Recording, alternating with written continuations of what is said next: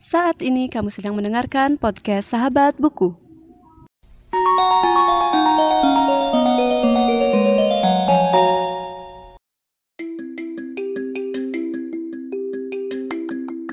Berawal dari keterlambatan mengikuti upacara pertama di sekolah baru, Salma Alvira bertemu dengan seorang cowok yang membantunya menyelusup lewat gerbang samping. Selidik punya selidik, cowok itu ternyata bernama Nathan, murid nakal yang sering menjadi bahan gosip anak satu sekolah. Beberapa rangkaian kejadian pun terjadi, yang justru mengantarkan Salma untuk menjadi kian lebih dekat dengan Nathan. Dua kepribadian yang saling bertolak belakang seperti langit dan bumi, yang tidak bisa bersatu tapi saling melengkapi. Novel ini mengisahkan tentang masa indah putih abu-abu, persahabatan, pelajaran kehidupan, dan pentingnya untuk selalu menghargai perasaan.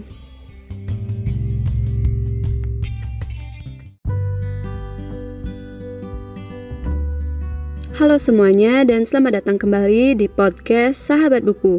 Dan pada episode kali ini aku akan membahas satu novel yang lumayan tebal, sekitar 500 halaman, yaitu novel Dear Nathan yang ditulis oleh Eriska Febriani. Oke, untuk yang pertama kita langsung aja ke sinopsis dari novel ini. Jadi novel ini menceritakan dua tokoh utama yaitu Nathan dan juga Salma. Jadi mungkin teman-teman udah nggak asing juga sama novel yang satu ini karena juga sudah difilmkan dan diperankan oleh Amanda Rawles dan juga Jeffrey Nicole. Jadi mungkin bisa dibilang aku bakal sedikit nyinggung apa yang ada di film juga karena aku udah nonton filmnya dan juga udah baca novelnya. Ceritanya dimulai saat Salma yang merupakan murid baru di sebuah SMA terlambat datang ke sekolah dan uh, waktu dia datang itu gerbang sekolahnya sudah dikunci. Namun begitu, ada seorang eh, laki-laki uh, yang bernama Nathan yang membantu Salma untuk bisa masuk ke dalam sekolah. Dan sebenarnya uh, Salma dan juga Nathan ini memiliki kepribadian yang bisa dibilang sangat bertolak belakang di mana Salma itu seorang cewek yang lugu, polos dan mungkin gak ada nakal-nakalnya gitu sih kelihatannya dan juga Nathan itu malah sebaliknya. Dia seorang cowok yang berandalan dan juga suka berantem di sekolah. Jadinya kayak mereka berdua ini bertolak belakang banget. Tapi dalam uh, alur cerita dari novel Dear Nathan banyak banget kisah yang bisa dibilang kayak membuat membaca itu benar-benar menurut aku kayak dibawa menelusuri karakter dari Nathan dan Salma di mana mereka ini memiliki sisi yang berbeda dari kelihatannya atau bisa dibilang kayak berbeda dari awal cerita karena di pertengahan dan akhir cerita itu masih banyak hal-hal yang mungkin pembaca nggak sempat ekspektasikan gitu waktu membaca novel ini.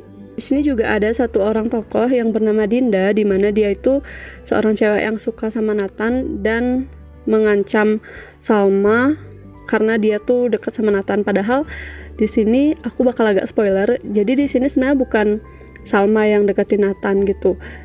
Dan Nathan ini termasuk cowok yang mungkin di awal-awal kalian bisa ngelihat kalau dia itu cowok yang berandalan terus nggak bisa kayak uh, bawa ke ke bawah emosi terus gitu. Tapi di sisi lain dia punya kisah yang mungkin uh, anggapannya kayak nggak semua orang tahu bahwa Nathan itu memiliki sisi yang berbeda dari yang kelihatannya. Jadi itu merupakan salah satu hal yang membuat aku menyukai novel ini. Jadi novel ini memberikan pandangan terhadap uh, pembaca tuh kalau misalkan orang-orang tuh pasti memiliki sisi yang berbeda dari kelihatannya. Aku pribadi sangat suka dengan tokoh Nathan karena menurut aku tokoh Nathan ini merepresentasikan bahwa kita tuh nggak bisa ngejudge orang atau kita nggak bisa menilai orang hanya dari sisi luarnya saja. Seperti cerita Nathan ini dia tuh terlihat seperti cowok yang berandalan, nggak bisa diandelin, terus emosian. Padahal di sisi lain dia memiliki sesuatu yang mungkin dibilang bisa bisa dibilang kayak kelam gitu membuat dia menjadi seorang yang berbeda dari yang dilihat orang-orang di sisinya di sekitarnya gitu terus juga aku tuh ngerasa deket banget sama si tokoh Salma ini karena mungkin ada masanya aku tuh kayak uh, si tokoh Salma di mana Salma itu pendiam, polos dan dia itu kayak gimana ya?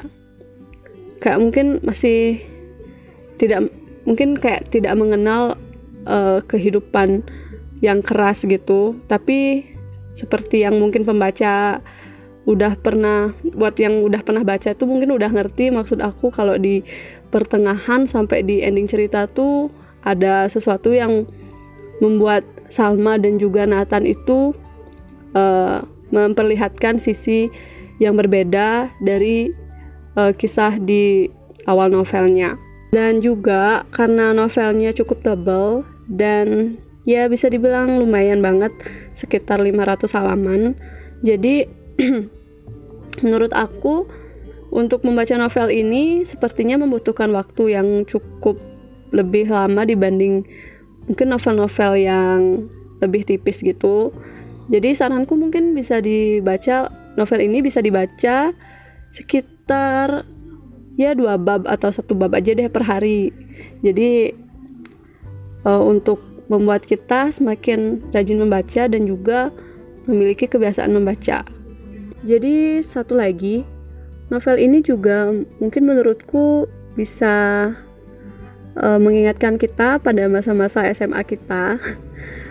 Karena mungkin untuk pembaca yang mungkin udah lulus SMA gitu ya, pasti waktu SMA itu memiliki kayak kisah-kisah yang nggak terlupakan gitu dan ada yang sedih, ada yang senang. Jadi agak nostalgia gitu waktu baca novel ini karena aku jujur ngerasain itu karena aku baca bukunya itu waktu sekitar semester 4 kuliah jadinya gimana ya kayak waktu aku baca cukup merindukan masa-masa SMA di mana pasti banyak cerita yang nggak bisa dilupakan gitu itu juga yang membuat aku menyukai novel ini dan mungkin untuk episode kali ini itu saja dan sampai jumpa di episode selanjutnya.